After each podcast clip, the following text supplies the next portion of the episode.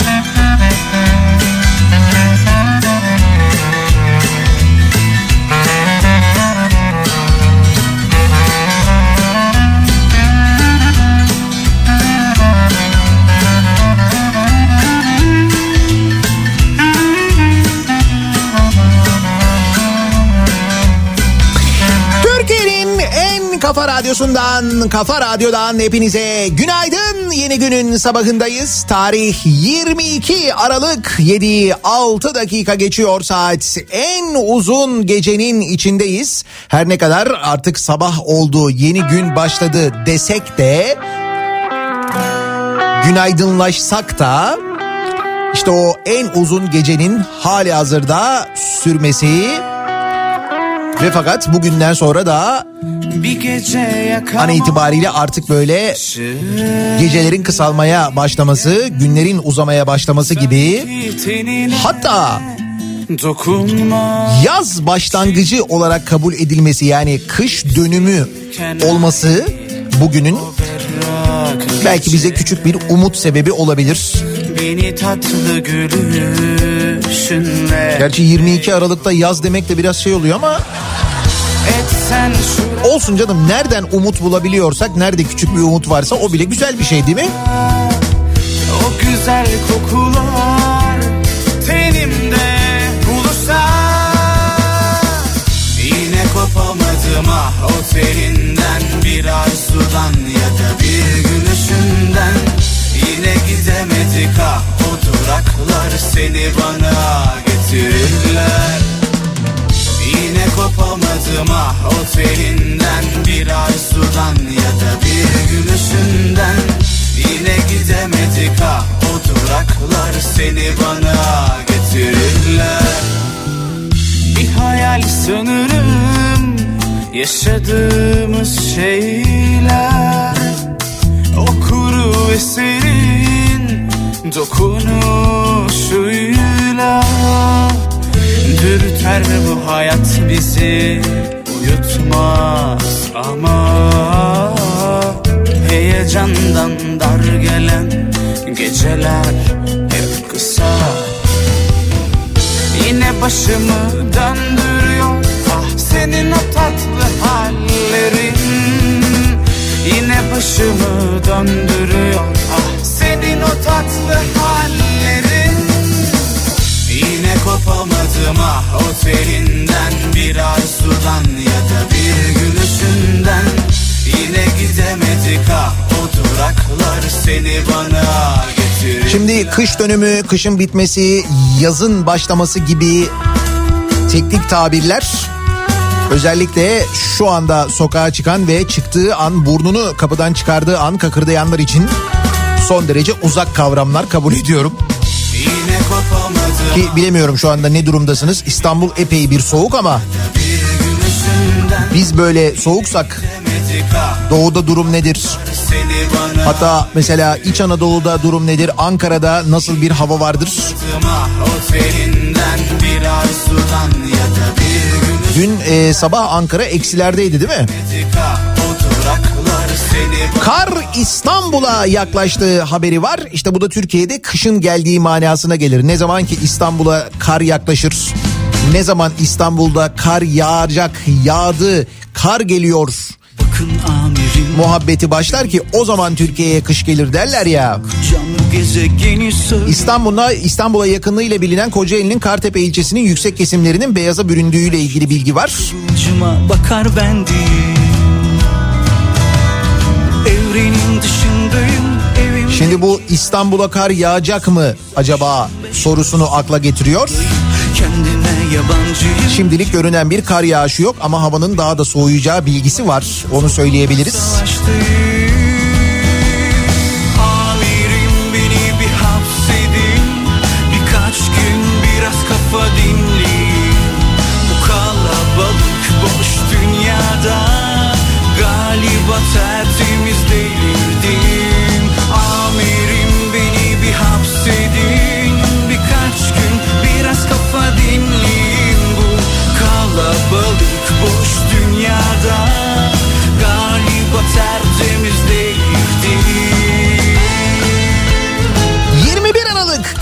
dönümü neden uzun gece en uzun gece yaşanıyor? Kuzeye gittikçe gece uzunluğunun artacağı kış ekinoksu bugün yaşanıyor. Yani işte 21 Aralık'ta yaşanmaya başladı ve bugünden itibaren geceler de kısalmaya başladı. En uzun gecenin yaşanacağı 21 Aralık'ta güneş ışınları Oğlak dönencesine 90 derece açı ile geliyormuş. Şey tek bir kıvılcıma bakar Ya. Peki en uzun gece Türkiye'de hangi şehirde yaşanıyor bunu biliyor musunuz? Yani hala şu anda o gecenin içindeyiz evet ama bütün Türkiye'de en uzun geceyi yaşayacak olan henüz tamamlamamış da olan aynı zamanda şehrimiz hangi şehir? Yani havanın en erken karardığı ve en uzun geceyi yaşayan şehir. Var mı bir tahmin acaba?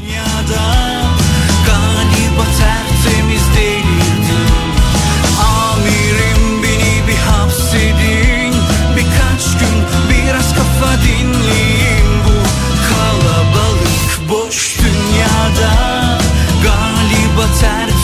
delirdim Dur şimdi o tahminleri beklerken o sırada İzmir 7 derece soğuk. Ee, ondan sonra Beylikdüzü 3 derece an itibariyle yazan var. Heh. Ankara yolu can kurtaran mevki. En buz gibi olan yer orasıdır genelde. Hep en soğuk orasıdır. Yazın geçerken de öyledir. Kışın geçerken de öyledir. Eksi 5 an itibariyle orası.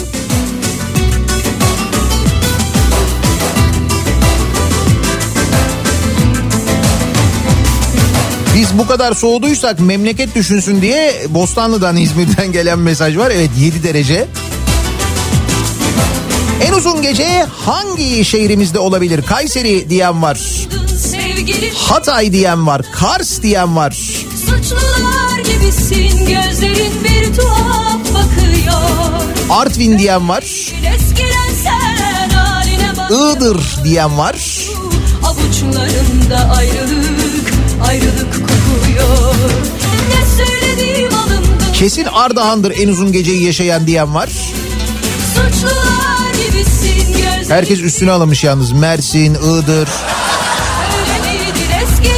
Karanlık insanların psikolojisini bu kadar bozuyor işte. ayrılık kokuyor. Hiç biter mi böyle bir sevda? Nasıl yapabildin sen aşk olsun? Beni bırakıp böyle yapayalnız nereye gidiyorsun? Hiç biter mi böyle bir sevda? Nasıl yapabildin En batıdaki şehrimizdir. En uzun geceyi yaşayan canım. Neresi olacak başka? Diyen de var mesela. Fakat mesele e, en batıda olmak değil en kuzeyde olmak işte. Kuzey güney meselesi bu aslında bu kış ekinoksu yaz ekinoksu dediğimiz şey bu. Dolayısıyla en uzun geceyi yaşayan şehrimiz Sinop. Olsun Beni bırakıp öyle yapayalnız Nereye gidiyorsun 15 saat 6 dakikayla en uzun gece e, Sinop'ta yaşanmış. Hatta, hatta yaşanmaya da devam ediyor diyebiliriz. Hava henüz aydınlanmadıysa şayet tam olarak. Kısa geceyi yaşayansa yine bu 21 Aralık'ta yani hala devam eden Hatay. Hatay'da da 14 saat olmuş.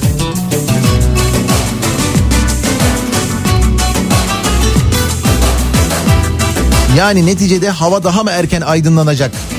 İşte bundan sonra böyle dakika dakika öyle olacak. Sevgilim de O meseleyi de kendi kendimize çözüyoruz.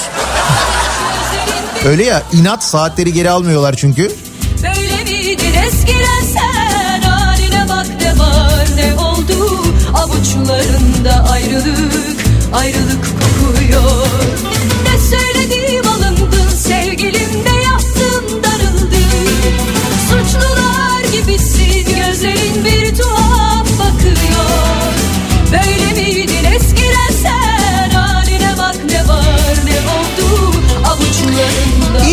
bir yılbaşına doğru ilerliyoruz. Zaten hayatımız boyunca unutamayacağımız bir yılı geride bırakıyoruz. 2020 öyle oldu.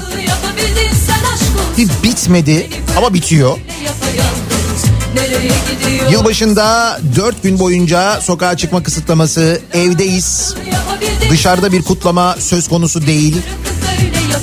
Ya çok uzun zamandan beri bilmiyorum böyle bir durum olmuş muydu? Olmadı herhalde değil mi? bir sevda nasıl Ama işte mesela bu kadar sokağa çıkma kısıtlaması varken Yılbaşı ile ilgili uzmanlar uyarırken aman kalabalıklarda olmayın bir araya gelmeyin.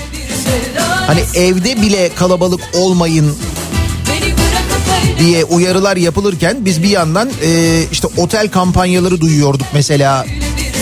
İşte otel paketleri, otelde özel yılbaşı yemekleri. Hatta kimileri böyle iyice işin suyunu çıkararak eğlence paketleri falan. E de o zaman niye kısıtlama yapıyoruz biz? Ya da mesela sen gidip orada 3 günlük 4 günlük paket alıp eğlenebiliyorken oradaki balo salonunda bir gece eğlence böyle yılbaşı eğlencesi düzenlenebiliyorsa o zaman e, dükkanını kapatmak zorunda kalan esnafın e, günahı ne? Onların dükkan niye kapatıldı? O eğlence mekanları niye çalışmıyor değil mi? İşte bütün bu sorular akıldayken dün akşam İçişleri Bakanlığı'nın bir yılbaşı genelgesi yayınlandı bu tartışma sürerken. Yılbaşında uygulanacak sokağa çıkma kısıtlamalarında otel ve konaklama tesislerinin yılbaşı kutlama programı icra edilmesine, eğlence, balo ve benzeri etkinliklerin düzenlenmesine kesinlikle müsaade edilmeyecek denildi. Yani o otel paketini aldın gittin ondan sonra gece hadi hep beraber eğlenceye indik durumu olmayacak. Akşam efendi efendi yemek yenilecek. Kaldı ki o nasıl yenilecek? Yani hani mesela de ki eğlence de var orada. Nasıl cesaret edecek insanlar buna? Nasıl hiç korkmayacaklar, hiç çekinmeyecekler? Bütün bu olan bitenden ya bu şöyle bir şey biliyor musunuz aslında? Dün akşamki yayın sırasında e, işte programın başında konuşuyorduk. O sırada çünkü hem bu İçişleri Bakanlığı genelgesi yayınlandı. Hem Avrupa'dan gelen e, bir haber vardı. Avrupa İlaç Ajansı işte bu Bion- BioNTech Pfizer aşısının e, kullanılmasına müsaade etti mesela. O da çok önemli bir gelişme. Avrupa'da aşılama başlayacak önümüzdeki günlerde. Yani bunlar bir yandan iyi gelişmeler bir yandan da aynı zamanda önemli. İşte mutasyon konusu vardı mutasyon konusu tartışıldı çok. İşte bilim insanlarının açıklamalarından bir şeyler anlatmaya çalıştım ben. Yani durum o kadar korkulacak kadar kötü değil. Evet bir mutasyon var. Bulaşma hızlı ama hastalığın şiddetiyle ilgili bir değişiklik yok falan diye. Bunları konuşurken birisi yazdı WhatsApp'tan. Amma abarttın yani. Altı üstü grip işte. Nihat yani. Yazarken o tatta yazdığına ben eminim. Şunun bana normal gripten farkını bir anlatsana diye yazmış bir de arkadaş. Ben de e, Sağlık Bakanlığı'nın verileriyle an itibariyle Türkiye'de 18 binden fazla insanın hayatını kaybettiğini, hayatını kaybeden insanlardan bir tanesinin ailesiyle konuşursa normal gripten farkının ne olacağını onların çok iyi kendisine anlatabileceğini yazdım. Yanacakmış ya Sonra bir cevap gelmedi. Yani hala böyle düşünen konunun ne ne kadar ciddi olduğunun farkında olmayan insanlar var. Yoksa bir hafta sonunda 40 bin kişi ceza yer mi ya? 40 bin. Pamuk tenli ellerim Bir gece gizlice çal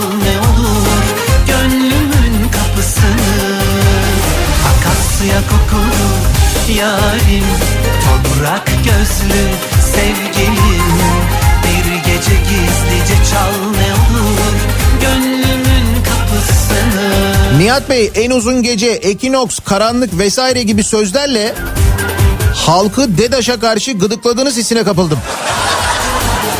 Eh, şimdi DEDAŞ bana dava açar mı buyur. Hadi bakalım. Akasya kokulu yarim Pamuk tenli ellerim Bir gece gizlice çal ne olur Gönlümün kapısını. Akasya kokulu yarim Toprak gözlü sevgilim. Bir gece gizlice çal ne olur Gönlümün kapısını En uzun geceyi henüz tamamlamış değiliz ve devam ediyor da hatta karanlık. Acaba nasıl bir sabah trafiğiyle işe gidiyoruz şu anda ne durumdayız? Hemen dönelim trafikle ilgili son duruma şöyle bir bakalım göz atalım.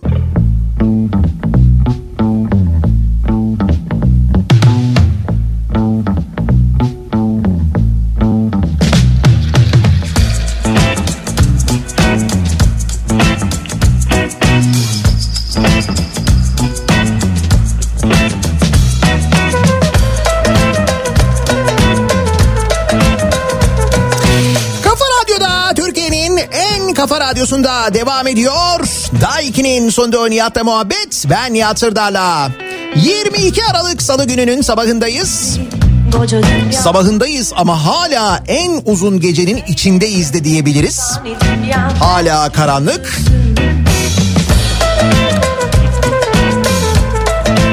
Belki fiziksel olarak aydınlatamayabiliriz havayı. Fakat vereceğimiz e, haberlerle birazdan aktaracağımız haberlerle bir miktar aydınlanmanıza sebep olabiliriz. En azından şöyle hani bilgisel olarak olmasa bile muhtemelen duyduğunuz haberlerden dolayı yaşayacağınız sinirle böyle geçici bir aydınlanma en azından yaşayabilirsiniz diye tahmin ediyorum. Çünkü öyle haberler var yine önümüzde.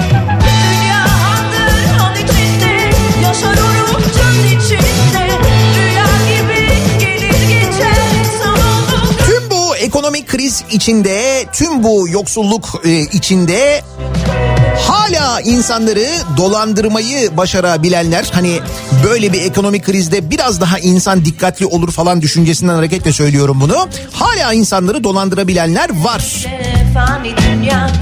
İlkokul mezunu İbrahim Savcı'nın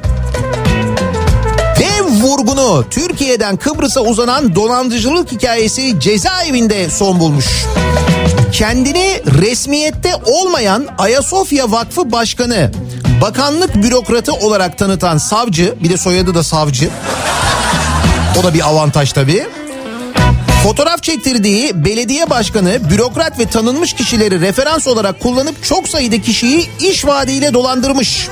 Bugün gelir yarın Son zamanlarda ne kadar sık karşılaştığımızın farkındasınız değil mi? Böyle birileriyle fotoğraf çektiren ve o fotoğrafı sürekli böyle kullanan bu şekilde insanlara güven telkin edip dolandıran insanlar ne kadar arttı farkında mısınız?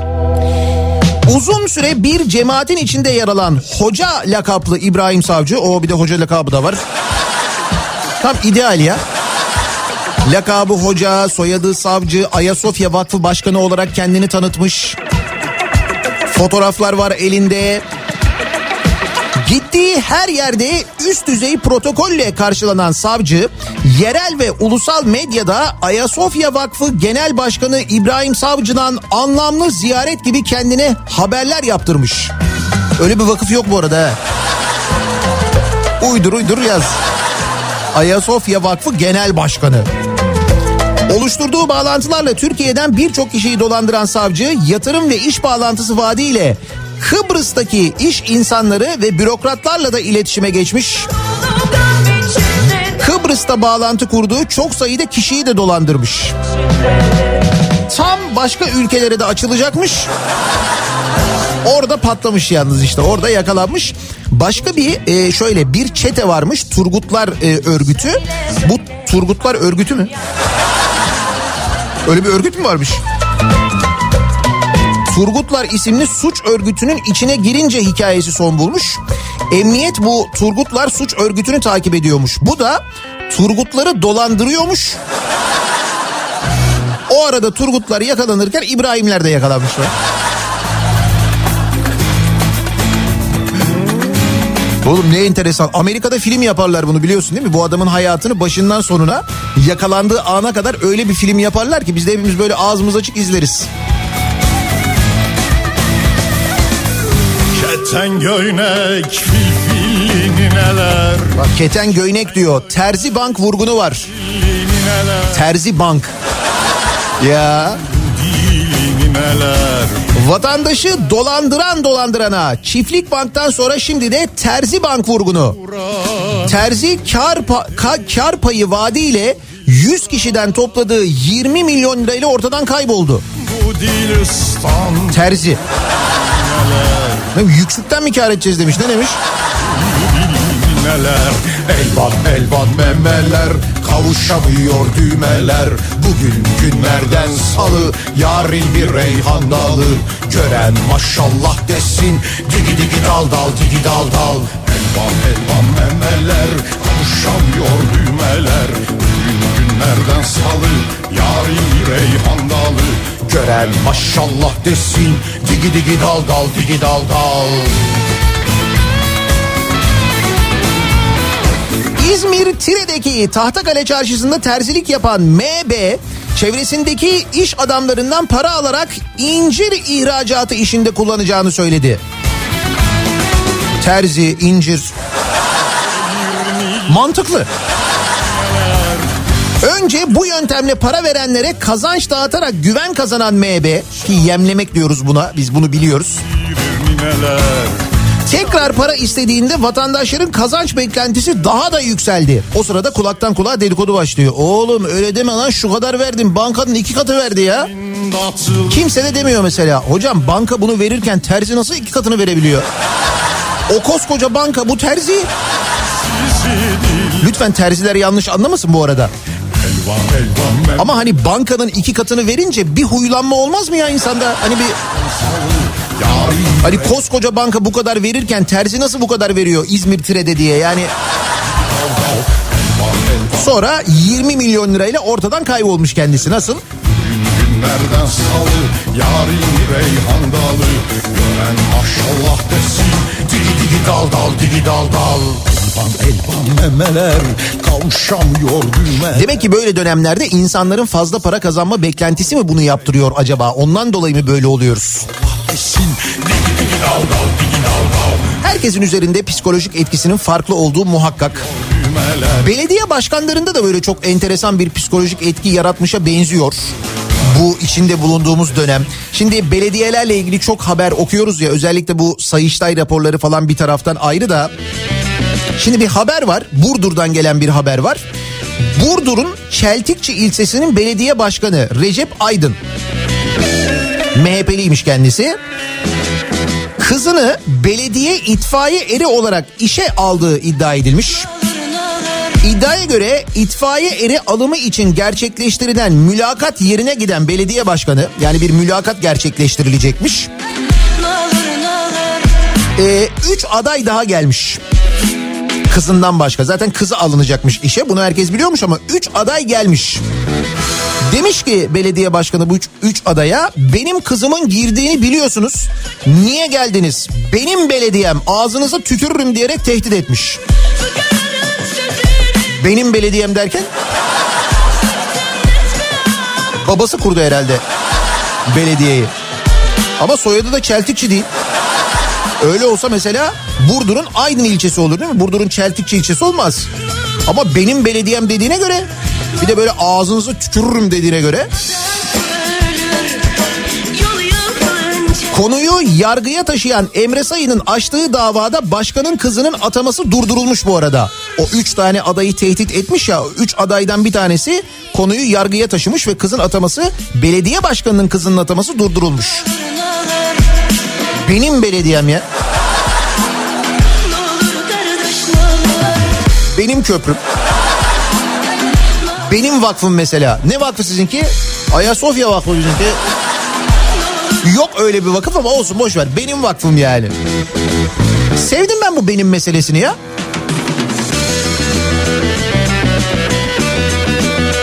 Siz bu benim konusuna kafayı çalıştırmaya devam edin bir müddet. Buna döneceğim çünkü ben bu konuya. Sevdim bunu. Rize'ye geçiyoruz Burdur'dan. Rize'de hani bir dev çay bardağı vardı hatırlıyor musunuz? Konuşmuştuk hani bir tane sahile bir çay parkı yapılacaktı. Oraya böyle dev bir çay bardağı yapılacaktı. Hatta unutmayın e, Rize Artvin Havalimanı. Bu Rize Artvin Havalimanı kim tarafından e, inşa ediliyor şu anda? Hani bu televizyonlarda reklamlarda habire bize laf sokan e, bir inşaat şirketi var. Farkındasınız değil mi o reklamların? Laf sokuyorlar ama direkt böyle. Onu da onlar yapıyor değil mi? Güzel. O e, Rize Artvin Havalimanı'nın kontrol kulesini de çay bardağı şeklinde yapacaklardı değil mi? Tabii kulenin üzerindeki anten de çay kaşığı bardağın içinden çıkıyor. Ha inşallah öyle yaparlar onun için söylüyorum. Işıklandırmayı da çay renginde yaparsınız.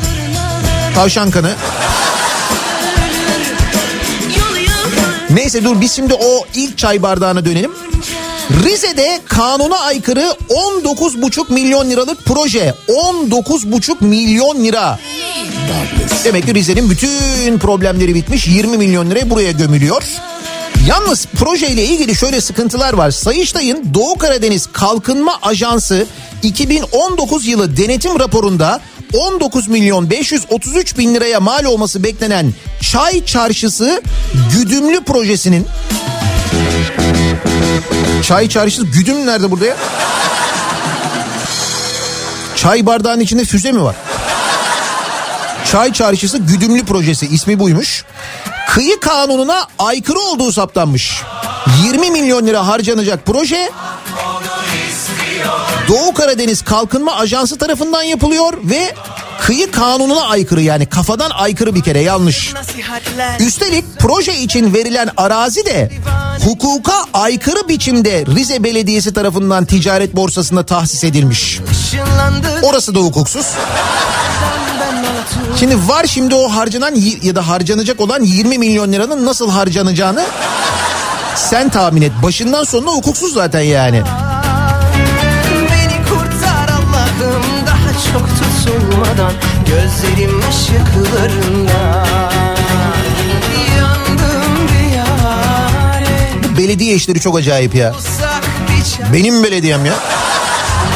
Bak benim belediyem diyen birisi daha var. Böyle benim dememiş ama ya durum tam onu gösteriyor.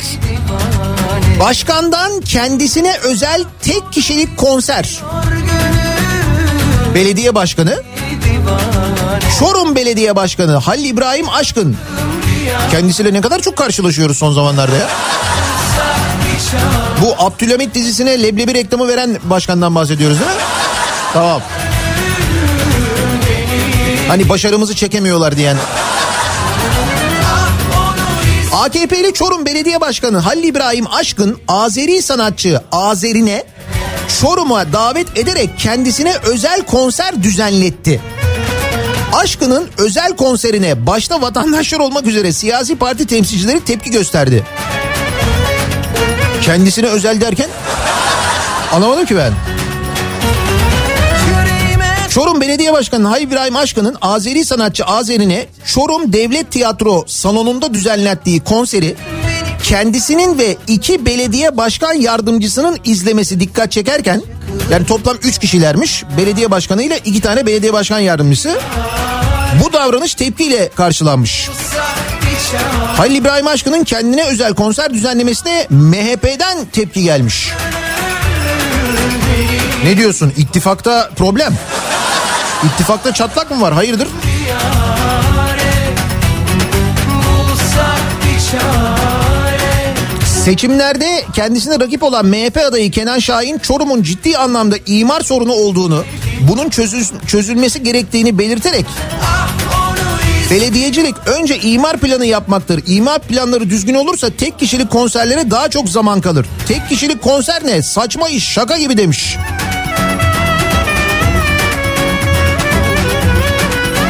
Konseri Çorum Belediyesi Web TV'den canlı olarak yayınlanmasına tepki gösteren Çorumlular da biz YouTube'dan Azeri'nin şarkılarını dinlemeyi bilmiyor muyuz diye sormuşlar. Aslında mesela bu Web TV'den yayınlanmadan önce leblebi ikramı olsaydı belki o zaman daha bir şirin olabilirdi. yandım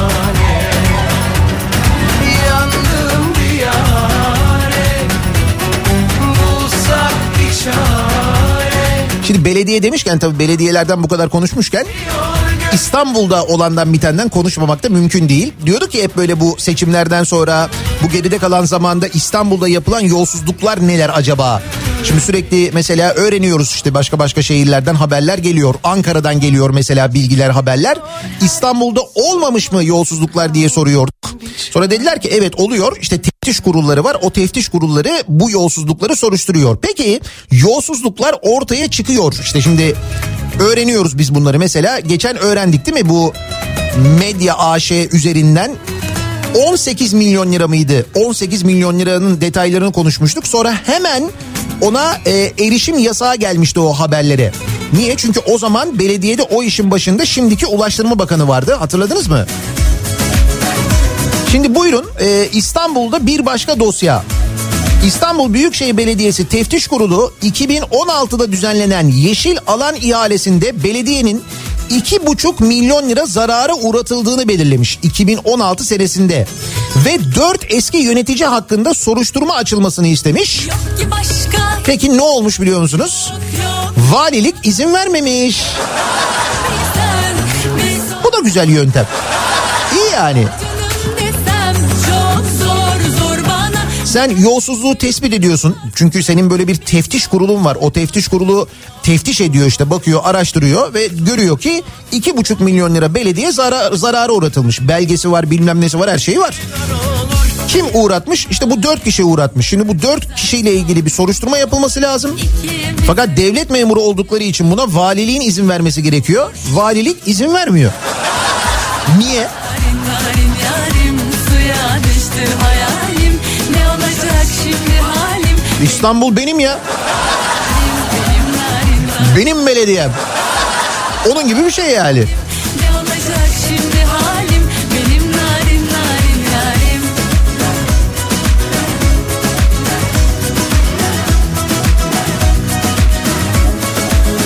İstanbul demişken İstanbul'un tarihi ve gerçekten çok güzel binalarından bir tanesidir. İstanbul'un en güzel yerindedir. İstanbul'daki Harbiye'deki radyo evi binası. Hiç gittiniz mi radyo evine? Mesela radyo evinde hiç bir konser dinlediniz mi? Orada konser salonları da vardır. İşte TRT İstanbul radyo yayınları oradan yapılır mesela. Hakikaten tarihi bir binadır orası. İşte o bina sevgili dinleyiciler gitti gider. Ben size söyleyeyim. TRT'nin tarihi Harbiye ve Ulus binalarının ha bir de Ulus binaları var. Ulus binalarının manzarasını biliyorsunuz. Orası daha da acayip. Depreme dayanıksız olduğu iddiasıyla boşaltılacağı haberlerin ardından Habersen depreme dayanıklılık raporlarının paylaşılmasını istemiş. Şimdi demişler ki depreme dayanıklı değil buraları demişler. Fakat öyle çok dedikodu dolanıyor ki çünkü geçmişte burası bir Birleşmiş Milletler'e verilmek istenmişti bir ara. Tabii öyle şeyler vardı. Sonra başka bir şey yapılmak istendi falan. Şimdi de Cumhurbaşkanlığı İletişim Başkanlığı'na verileceği dedikodusu varmış. İşte o nedenle Habersen bu konuyla ilgili açıklama bekliyor. Ama ben size söyleyeyim. Gitti gider. Net. Nerelere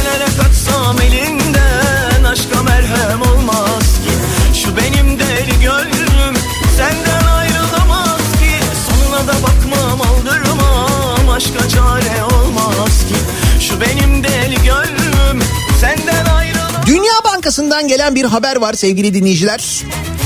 Her yıl güncellenen bir liste var Dünya Bankası'nda. Şöyle bir liste bu.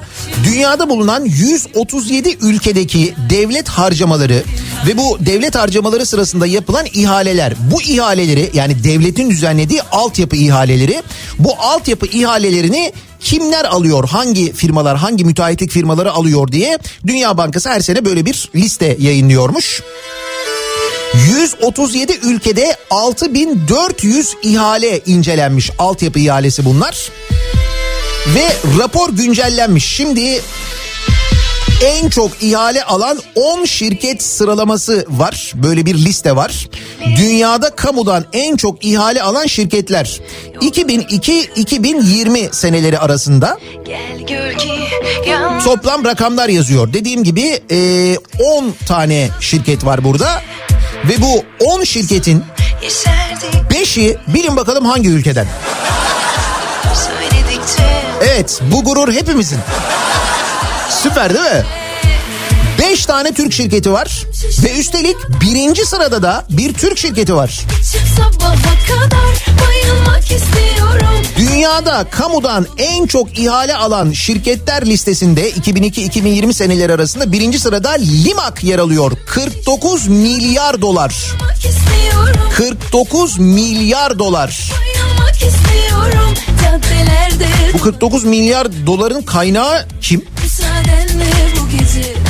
Bil bakalım kim? İkinci sırada birinci sırada Limak 49 milyar dolarla yer alıyor. İkinci sırada bir Brezilya şirketi var.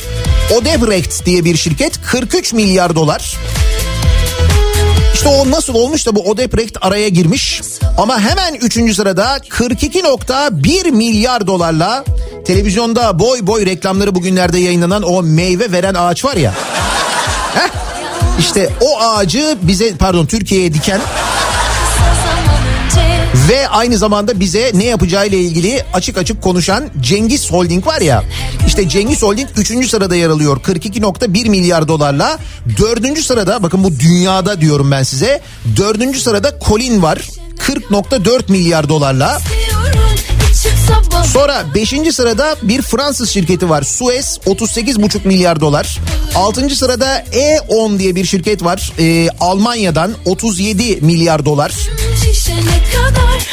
Ne oluyor derken tam o sırada gönlümüz ferahlıyor. 7. sırada Kalyon var. O da 36.6 milyar dolarla 7. sırada yer alıyor. Hemen arkasından MNG var.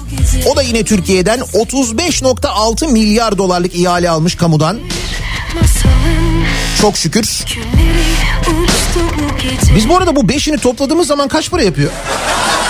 Bak şimdi bir anda aklıma o geldi. 49, Yalnız 89, 91, 131, Yüzüm gözüm şişene kadar 161, 167, 168 hatta Bayılmak istiyorum 198, 203, 204. Bayılmak istiyorum 204 milyar dolar yapıyor. İyiymiş. Yani total rakam da iyiymiş de bizim bu 20 senede 204 milyar dolar ödememiz de bizim için bir başarı değil mi ya?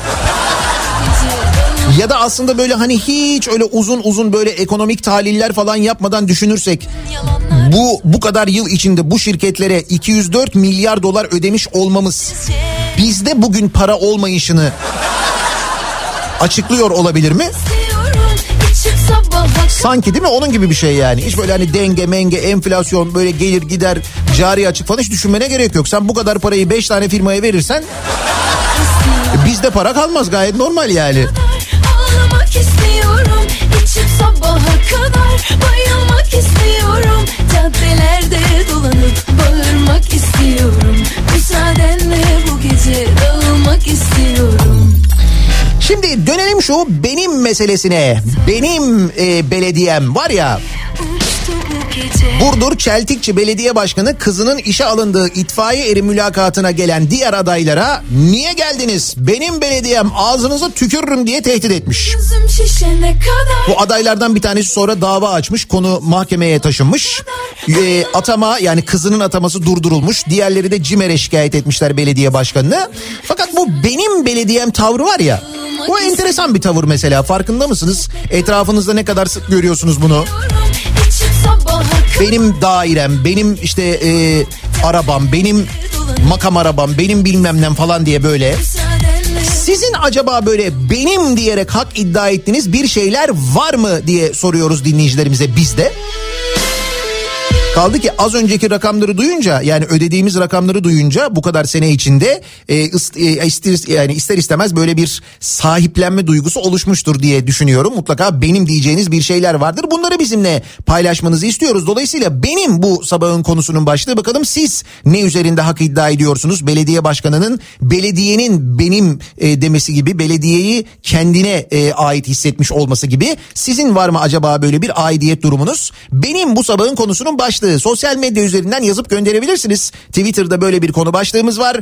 0532 172 52 32 WhatsApp hattımızın numarası. Buradan da yazabilirsiniz mesajlarınızı. Reklamlardan sonra yeniden buradayız.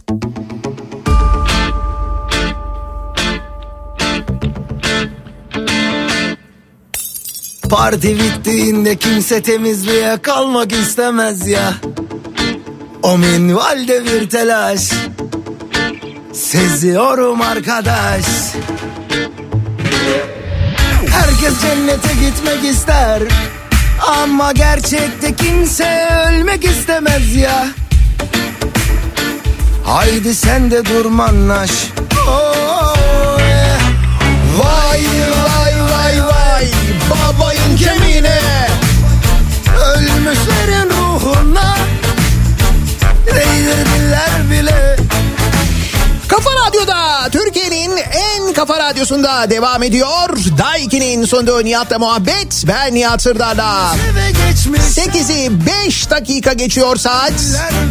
İstanbul'da hava, hava yavaş yavaş aydınlanıyor. En uzun gece son buluyor. Benim gecem ya.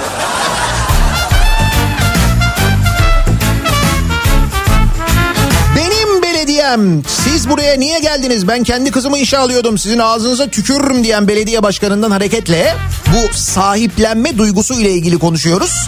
Benim diyoruz bu sabahın konusunun başlığı bu. Bakalım dinleyicilerimiz neleri acaba e, sahipleniyorlar? Şimdi belediye başkanı belediyeyi bu kadar sahiplenmiş benim belediyem diyor ya. Çünkü babası kurmuş o belediyeyi zaten. O yüzden babadan oğula geçiyorsa belediye demek ki orada. Herkes dizmek ister Ama gerçek Keyif benim rant yandaşımın diyor mesela bir dinleyicimiz. vahlar olsun Neresi burası? Hastaneyi de konutları da istediğimiz yere yaparız.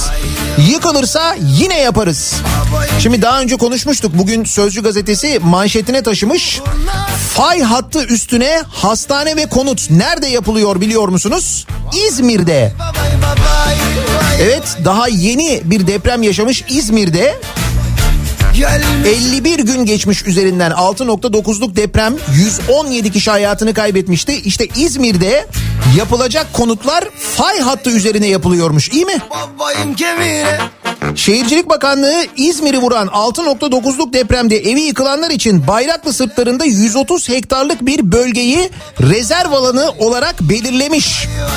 Buraya 3100 konut yapılacak. Bu arazinin hemen yanında da İzmir Şehir Hastanesi'nin yapımı sürüyor. Ancak uzmanlar bölgenin riskli olduğunu söylüyor.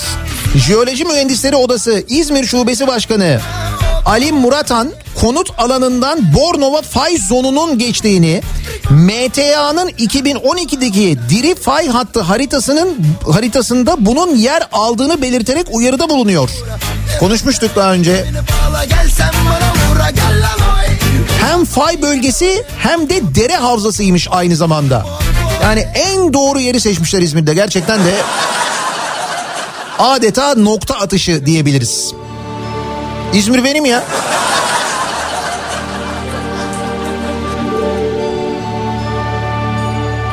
Bizim başkan her yere bundan asıyor. Bilinsin e, istemiş herhalde diye.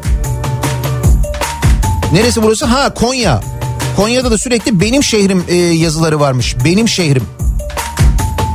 Ya bu bir şey belediyenin reklam sloganı gibi. Burada belediye başkanı bayağı benim diyor ya benim belediyem diyor. Gezegenin adı Aleyna Olur TRT kesinlikle benim. Yıllardır bedel ödüyorum. Boşuna mı diyor Tülin? İyi haberiniz olsun. Radyo eviyle Ulus'taki TRT binası gitti gider. Ay madem TRT benim diyorsunuz. Kaldı ki gerçekten bizim TRT. Yani bu kadar yıldır TRT payı ödüyoruz değil mi? Göre akışım var Olmadı hiç bakışımda E tabi Anka Parkım benim. Kişisel zevkim. Büyük harflerle yazıyorum ki anlayın diyor Hayrettin.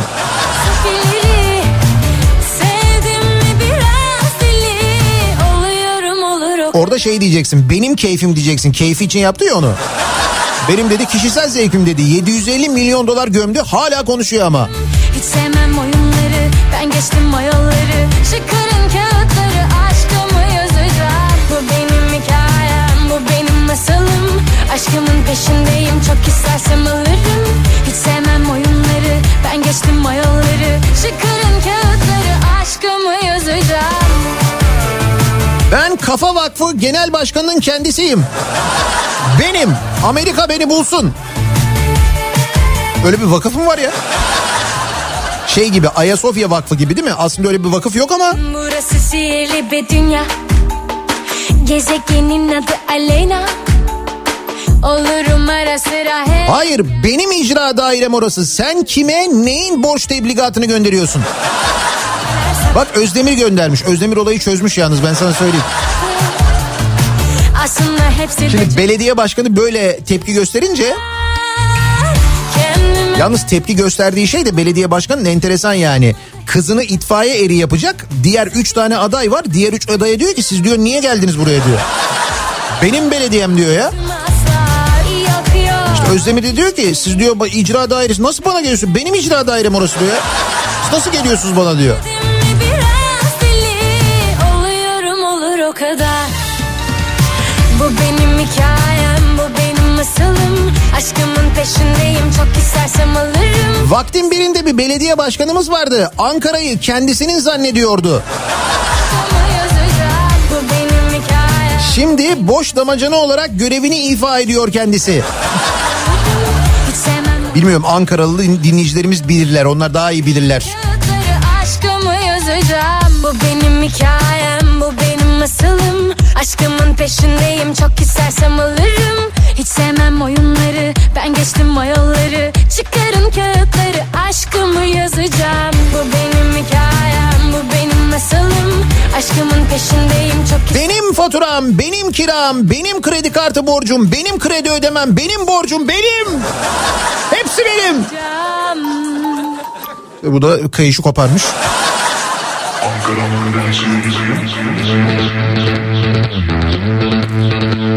Benim gururum bu şirketler dünyada adımızı duyurdu. 3-5 kuruşun hesabını yapma sen de. Gururlan Türkiye diyor Antalya'dan Ahmet. Ha bu müteahhitlik şirketlerini kastediyorsunuz. Bu arada bu müteahhitlik şirketleriyle ilgili şöyle bir bilgi geldi. Dünya Bankası'nın yayınlanan o raporunda bu yeni havalimanını inşa eden firmaların Hepsine e, 10,5 milyar euro yazılmış. Yani bunlar ortaklar birlikte yaptılar ya. Her birine tek tek 10 e, 10,5 milyar euro muydu do- dolar mıydı? Dur bakayım onu doğru bilgiyi vereyim. Dolmuş gibi şişenin dibi seni gördüyse Sallanalım gel sarhoş gibi 10.25 milyar euro olarak her ortağa ayrı ayrı yazılmış.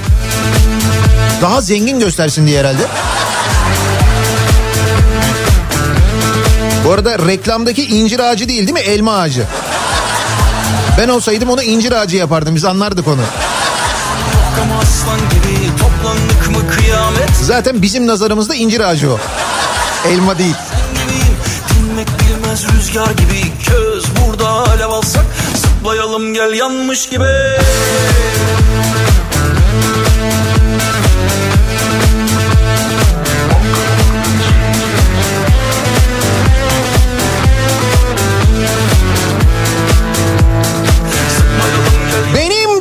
Bankam benim. Ya ne oldu bu? Ee, Vakıfbank yönetim kurulu üyesi olan hatta başkan yardımcısı olan yönetim kurulu başkan yardımcısı olan Hamza Yerlikaya'nın lise diplomasının sahte olması ile ilgili mesele. Dün e, Çiğdem Toker soruyordu. BDDK yani Bankacılık Düzenleme ve Denetleme Kurumu ne diyor bu işe? Yani bir bankanın üst düzey görevlisi olan üstelik bir devlet bankasında e, üst düzey görevde olan yönetim kurulunda olan birisinin lise diplomasının sahte olması Mesela bu kanuna aykırı bir şey değil mi? Bir evrakta sahtecilik durumu var. Bununla ilgili verilmiş bir mahkeme kararı var. Bu haberi de bu arada bu sahte diploma haberini de e, dün Sözcü gazetesinde Deniz Zeyrek hatırlatıyor. Hatırlar mısınız bir dönem Ankara'da İmrahor e, Endüstri Meslek Lisesi Burada böyle bir sahte diploma hadisesi patlamıştı. Yani bununla ilgili haberler çıkmıştı. Haberleri takip edenler hatırlarlar belki. İşte bu Hamza Yerlikaya'nın diploması da oradan. Yani o sahte diplomalardan bir tanesiymiş kendisinin diploması ya. Hani ispat mispat diyordu ya. ispatı da var yani. Ne olacak? Benim bankam. Herhalde öyle diyecek bence. Öyle diyecek ve e, şey yapmayacak, ayrılmayacak bankadaki görevinden. Benim bankam diyerek devam edecek. Ben öyle tahmin ediyorum. Benim fışkıyem.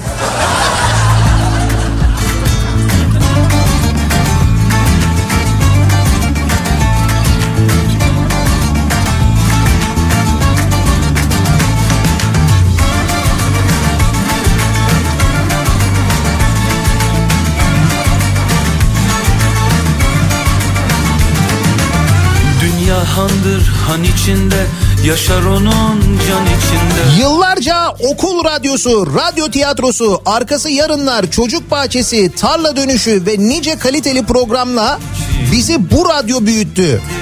Benim bu radyo kimseye kaptırmam. Şehrin belleğine kimse dokunmasın diyor Gonca. Koca dünya gam yükümüz Harbiye'deki İstanbul Radyosu binası. Dünya dert Birilerine mi veriliyor acaba diye haber sen soruyor. Vallahi yeri güzel. Manzarası da iyi. Yani cadde tarafı değil de diğer tarafı da güzel manzaralı.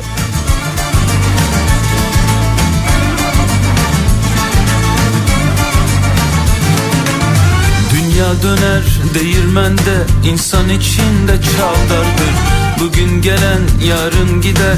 Dolup boşalan bir andır Dertli ağlar dertsiz ağlar dünya içinde. Dertli ağlar dertsiz ağlar dünya içinde. Ey gidi koca dünya gam yükümüzsün.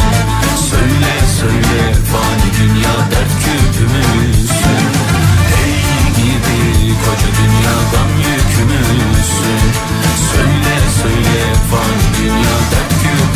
Valla aslında benim demek isterdim ama diyor Serdar televizyonda yayınlanan reklamı gördükten sonra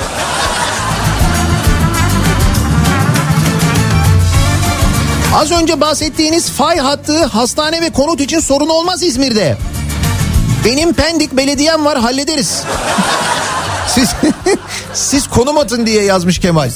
E doğru Pendik Belediyesi biliyorsun meclis kararıyla fay hattını haritadan kaldırdı. Zamanın İstanbul Belediyesi Meclisi de onu onayladı. Değil mi? Öyle oldu yani. Dolayısıyla kaldırırız o fay hattını oradan ya. Sorun yok hallederiz onu biz.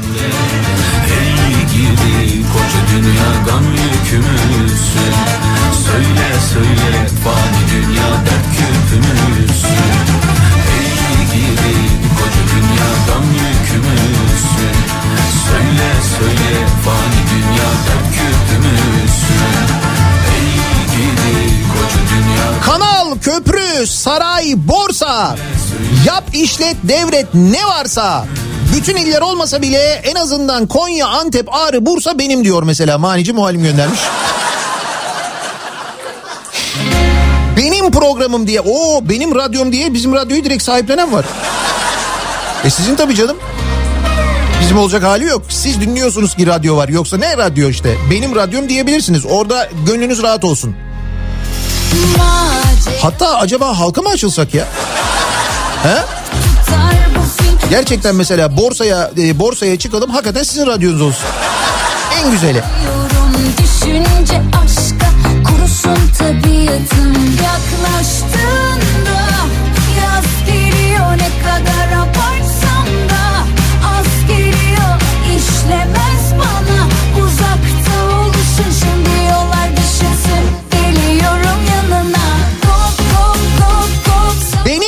dinozorlarım derdim vermezdim ben o dinozorları. Melih Bey'in yerinde olsam. Sahi heder oldu değil mi onların hepsi gittiler kamyonların üzerinde taşındılar. Bir bölümü Karadeniz Teknik Üniversitesi'nde galiba bildiğim kadarıyla. Benim diplomam benim işsizliğim diyor mesela işsiz bir dinleyicimiz göndermiş. Evet neticede işsizlik de olsa senin yani.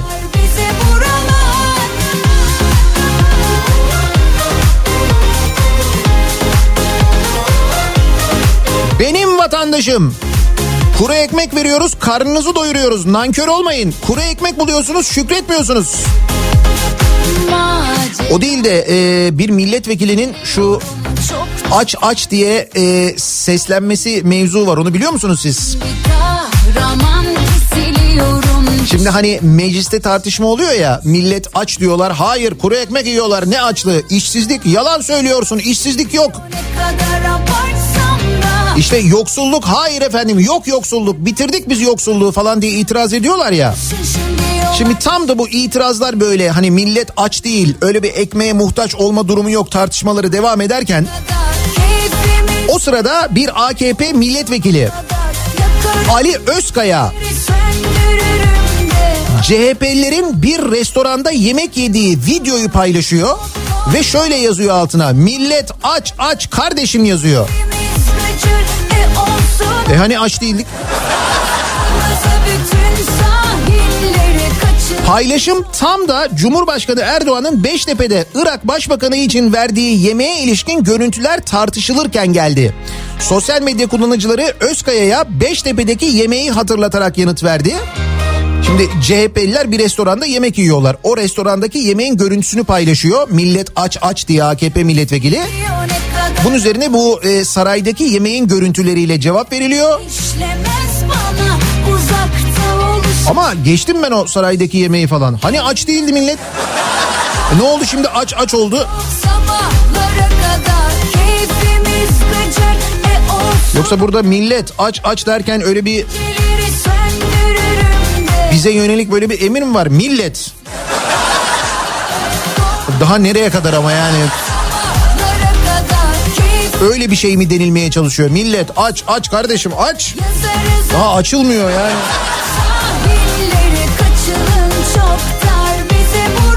Belki de öyle bir mesaj vermek istemiştir milletvekili. Nereden biliyoruz? Noktalama işareti yanlış olabilir.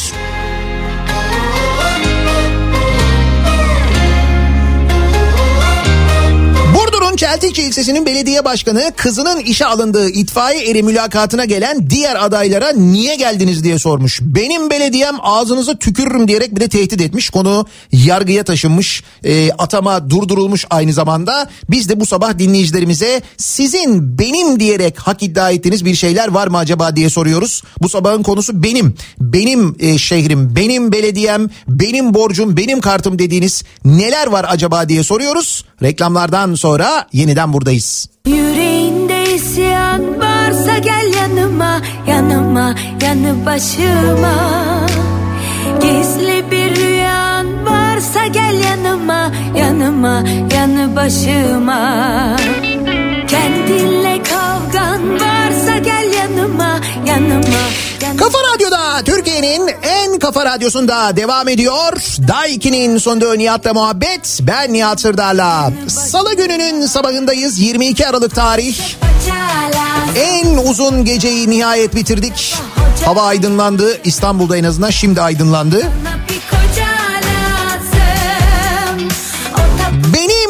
Benim dediğimiz sahiplendiğimiz neler var diye soruyoruz. Artık belediye başkanları benim belediyem sen kimsin ağzına tükürürüm diyor. Demiş nitekim Burdur'da bir belediye başkanı. Biz de acaba böyle benim dediğimiz bir şeyler var mı diye konuşuyoruz. Mesela bir dinleyicimiz diyor ki az önce ekmek almaya girdiğim fırıncı aldığım ekmeğin parasını istedi. Burası benim ne parası dedim. Şu anda kürekle beni kovalıyor. Tabii şimdi böyle belediye başkanı falan olmayınca öyle benim demek de. Bak mesela bir benim telefonum durumu var sevgili dinleyiciler.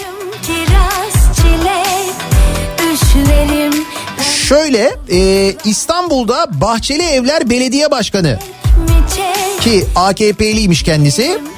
AKP'li Bahçe, Bahçeli Evler Belediye Başkanı Bahadır aralarında CHP ve MHP'lilerin de olduğu 45 meclis üyesine 11 bin lira değerinde iPhone Pro 11 cep telefonu hediye etmiş. Peki almışlar mı bu cep telefonlarını? Almışlar. CHP ilçe başkanı Çelik'in uyarısına karşın CHP'lilerin de telefonları aldığı öğrenildi. Neticede benim belediyem yani. Değil mi? Benim belediyem, benim telefonum. Madem meclis üyesiyiz neden götürmeyelim? Uygulamadan CHP ve MHP tabanlarının rahatsızlık duyduğu ve insanlar pandemi koşullarında ekmek bulamazken dağıtılan hediye akıl alır gibi değil. Söz konusu çıkar olunca bütün partiler birleşiyor tepkisinin yükseldiği konuşuluyormuş. iPhone 11 diyor ya. Benim iPhone'um. Yanaklarım kiraz, çilek Düşlerim pembe bu Benim yalnızlığım kardeşim sana ne? Yok 100 yıllıkmış da bilmem ne. Eteklerim mor salkımlar Valla benim bir kulak arkam var. Çok geliyor bu mesaj. Onun haricinde başka bir şey yok zaten. Başka bir şey kalmadı diyen var.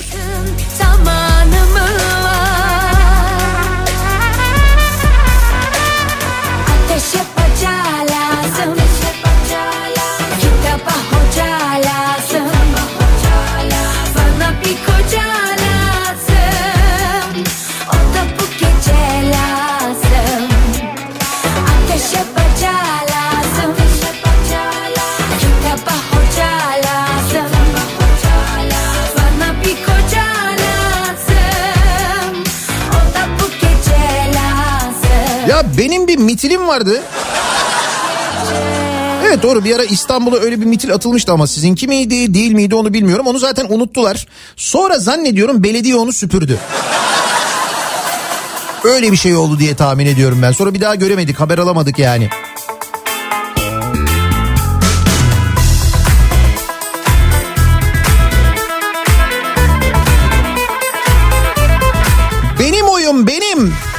En azından sandığa girene kadar değil mi?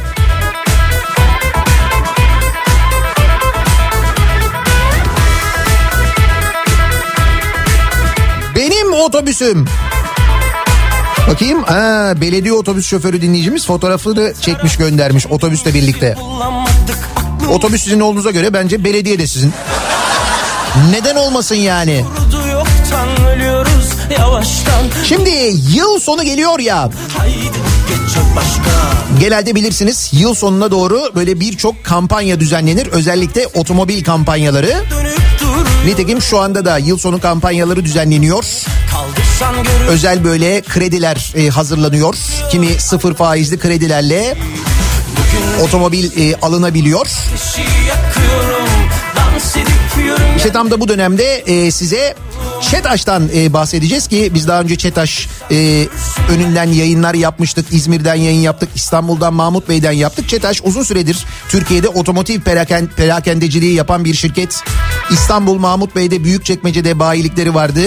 Bahçeşehir, Sultan Gazi gibi noktalar eklendi. İstanbul dışında Manisa, İzmir, Kocaeli, Çorlu gibi farklı şehirlerde de aynı zamanda satış ve servis servis noktaları açıldı. Ee, hem Ford hem Renault hem Dacia, Isuzu bayiliklerinin yanında PSA markalarını yani Peugeot, Citroen ve Opel'i de ekledi şimdi Çetaş. Dolayısıyla bu marka araçların satış ve servis hizmetlerini de vermeye başladı.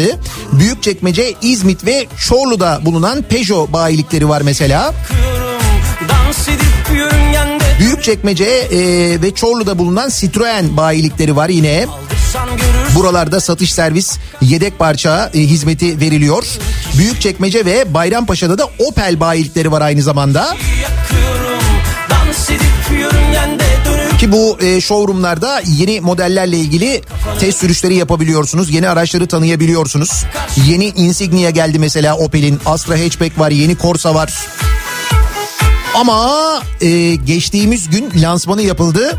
Benim de takip ettiğim böyle otomotiv gazetecisi arkadaşlarımdan özellikle dikkat ettim.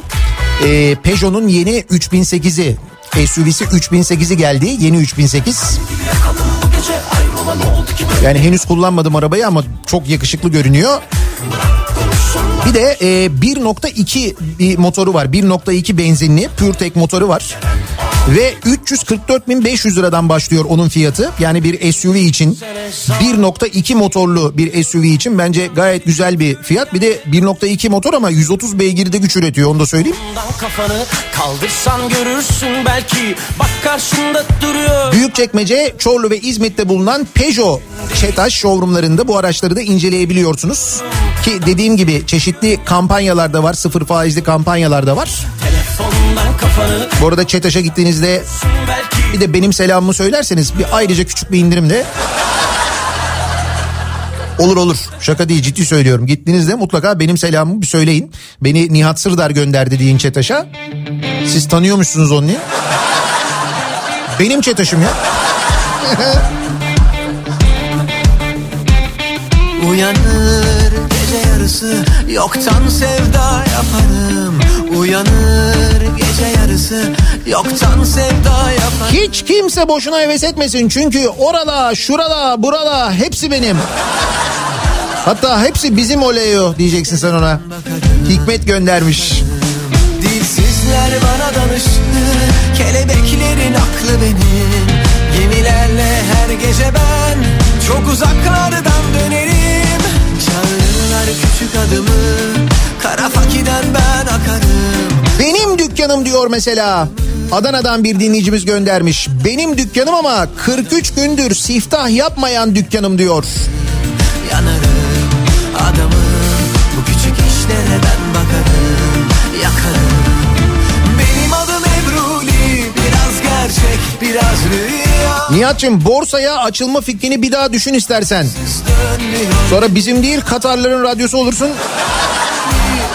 Ha tabii de öyle bir şey var değil mi? Kimin alacağına da karışamıyoruz o zaman. Yalanımı sevsinler Yalansız dönmüyor dünya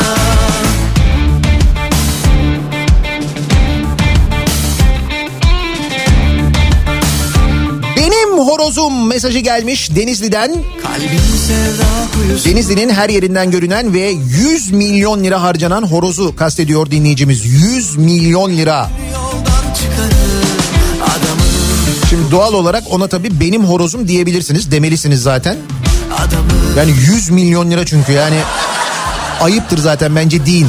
Dilsizler bana danışır Kelebeklerin aklı benim Gemilerle her gece ben Çok uzaklardan dönerim Sen unut geçmişini Ben aklımda tutarım Sen unut O belediye başkanının belediyesi varsa benim de gemim var. Benim gemim diyor bir dinleyicimiz.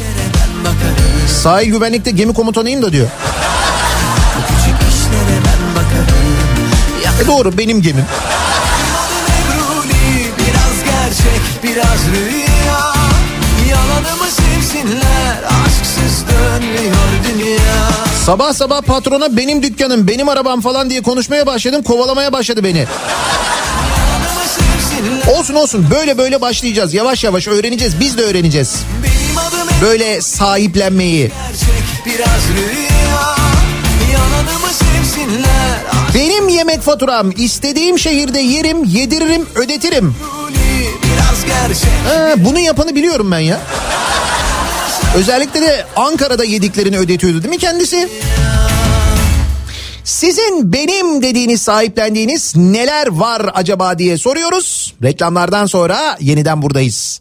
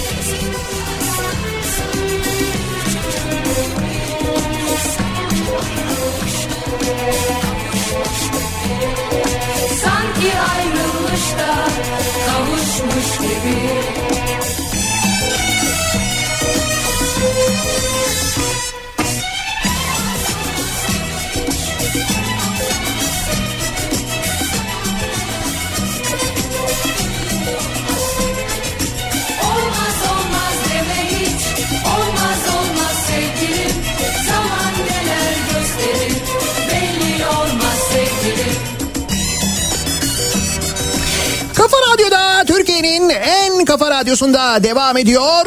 Daiki'nin sonunda Nihat'la muhabbet. Ben Nihat Sırdar'la. Salı gününün sabahındayız. En uzun geceyi bitirdik. Gün yine aydınlandı. Yeni gün yeniden başladı. Neler benim acaba diye bu sabah konuştuk. Benim belediyem diye İtfaiyede mülakata gelen adayları tehdit eden belediye başkanından hareketle belediyesini bu kadar sahiplenen belediye başkanını görünce böyle benim belediyem diye biz de dinleyicilerimize sorduk siz ne diyorsunuz acaba diye. İstediğinizi yapın taşlasanız da o meyveler benim size yedirmeyeceğim diyor mesela bir dinleyicimiz. Elma değil mi onlar?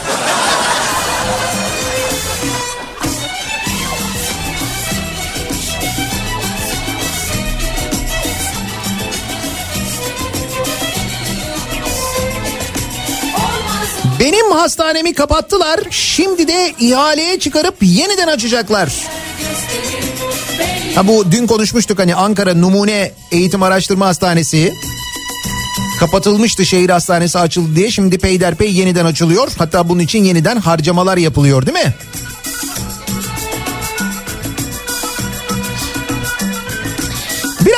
Kripto Odası başlıyor. Türkiye'nin ve dünyanın gündemini son gelişmeleri detaylarıyla birazdan öğreneceksiniz Güçlü Mete'den. Bu akşam 18 haberlerinden sonra eve dönüş yolunda yeniden bu mikrofondayım ben.